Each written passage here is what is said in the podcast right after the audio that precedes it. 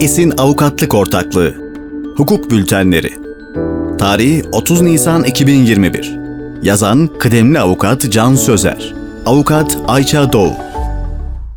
Türkiye İlaç ve Tıbbi Cihaz Kurumu, COVID-19 salgınına yönelik tam kapanma tedbiri süresince ürün tanıtım temsilcilerinin faaliyetlerine sınırlamalar getirdi. Yeni gelişmeler Türkiye İlaç ve Tıbbi Cihaz Kurumu 28 Nisan 2021 tarihinde yaptığı duyuruda COVID-19 salgınının önlenmesiyle ilgili alınan tam kapanma tedbiri çerçevesinde ürün tanıtım temsilcilerinin eczanelere ve sağlık kuruluşlarına yönelik ziyaretlerinin durdurulduğunu belirtti. Ne değişecek?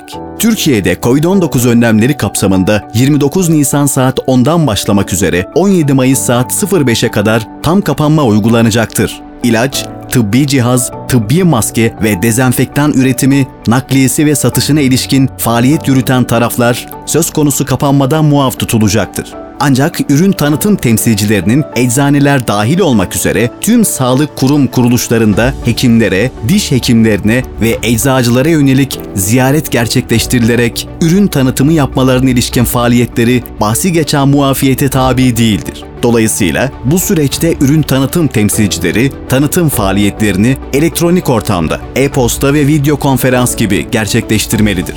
Sonuç, kurum COVID-19 salgınının önlenmesine ilişkin çalışmalarını sürdürüyor. Tüm ürün tanıtım temsilcileri tam kapanma sürecinin sonuna kadar sağlık kuruluşlarına yapacakları ziyaretleri sonlandırmalı, kurumun bu konudaki açıklamalarını takip etmelidir.